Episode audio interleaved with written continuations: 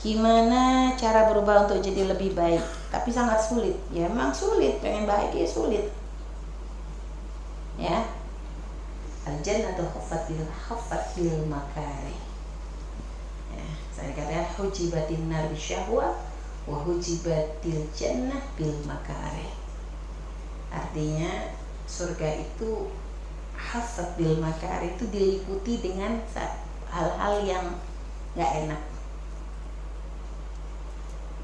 sama seperti hujibatin nar bisyahwah. Jadi neraka itu ditutupi dengan syahwat. Syahwat itu gimana sih? Yang kita suka. Sesuatu yang syahwat itu yang kita senangi. Kita nggak senang kan? Makan enak kita senang bisa tidur kita senang kalau nggak ada aturan. Syahwat ya enggak eh, ajib kan? Gitu. Coba ngikutin aturan tuh berat nggak sih?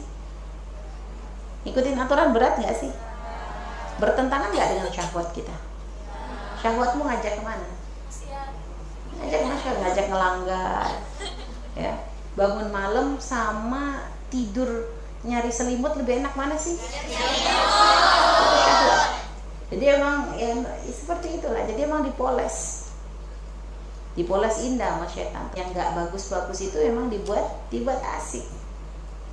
Ya dibuat asik menjadi perempuan yang menutup diri seperti ini pakai kerudung apa kayak secara dohir coba kalau dilihat gitu. Kayaknya lebih ribet nggak sama yang langsung keluar pakai kos dalam toh gitu? Nah, secara secara dohir ya bukan masalah perasaan. Ya enggak kelihatan lebih ribet mana? Ribetnya pakai kerudung. Tapi kalau yang nggak pakai kan enak aja. Pakai kos dalam celana pendek keluar aja pede gitu kalau kita kan masih nyari kerudung gedenya apa? Kayaknya ribet. Tapi memang seperti itulah.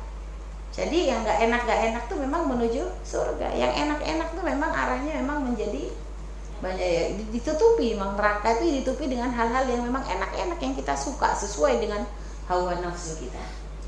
Terus gimana caranya? Saya pengen baik sulit. Emang sulit mujahadah kalau memang gampang ya murahan banget jadi surga. Surga mahal sehingga yang ngelawan itu ya penting. Makanya memilih teman yang baik itu juga penting. Temanmu di pondok. Kamu di pondok diajarin baik tapi kadang belum tentu juga. Semoga kalian semuanya baik. Amin. tapi ada juga orang di pondok nggak baik-baik ada. Kenapa? Mungkin itu tadi salah niatnya. Salah niatnya salah milih temannya.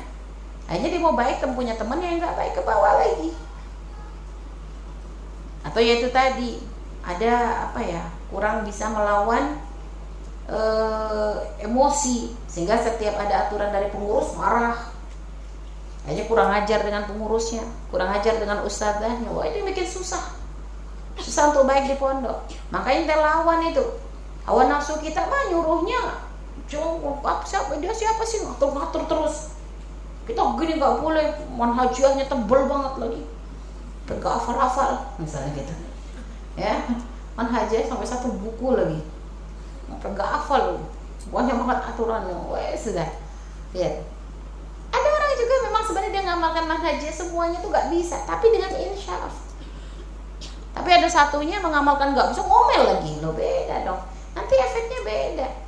Ke depannya akan beda akan terlihat. Ini anak yang memang dengan keinsyafan dia nyesel kalau melakukan salah. Sering salah. Sama-sama salah. Tapi yang satunya kalau salah tuh nyesel ya Allah kalau yang salah lagi sih. Yang satunya oh, salah gini aja kok.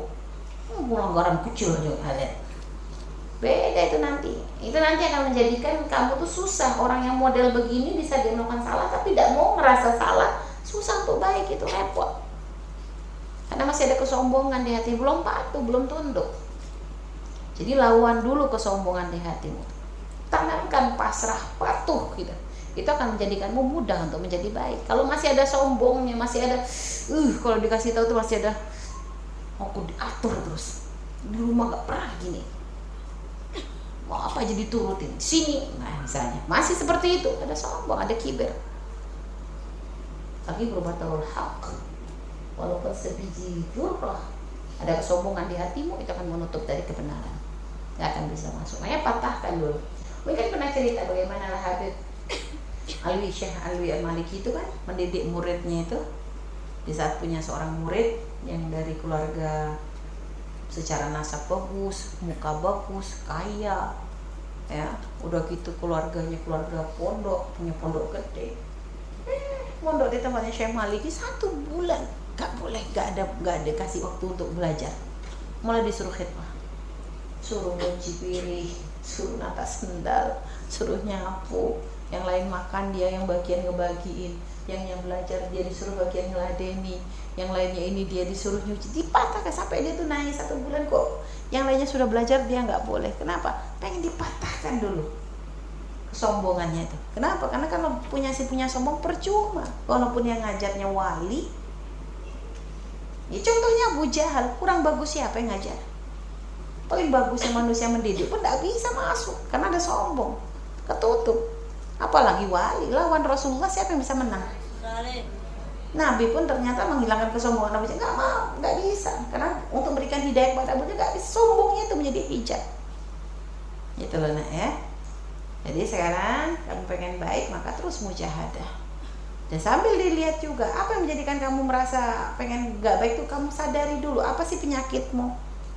Apa sih yang masih masih kurang baik di kamu? Itu kan kita harus introspeksi kalau kita belum tahu penyakit kita ya susah dong kita mau berubah. Jadi pahami dulu, kenali dulu apa kekuranganmu, baru nanti kamu insyafi, saya itu kamu rubah, kamu pilih teman-teman yang sekiranya bisa membantumu, dekat sama guru-gurumu, itu yang akan menjadikan kamu mudah untuk menjadi lebih baik insya Allah. Allah alam,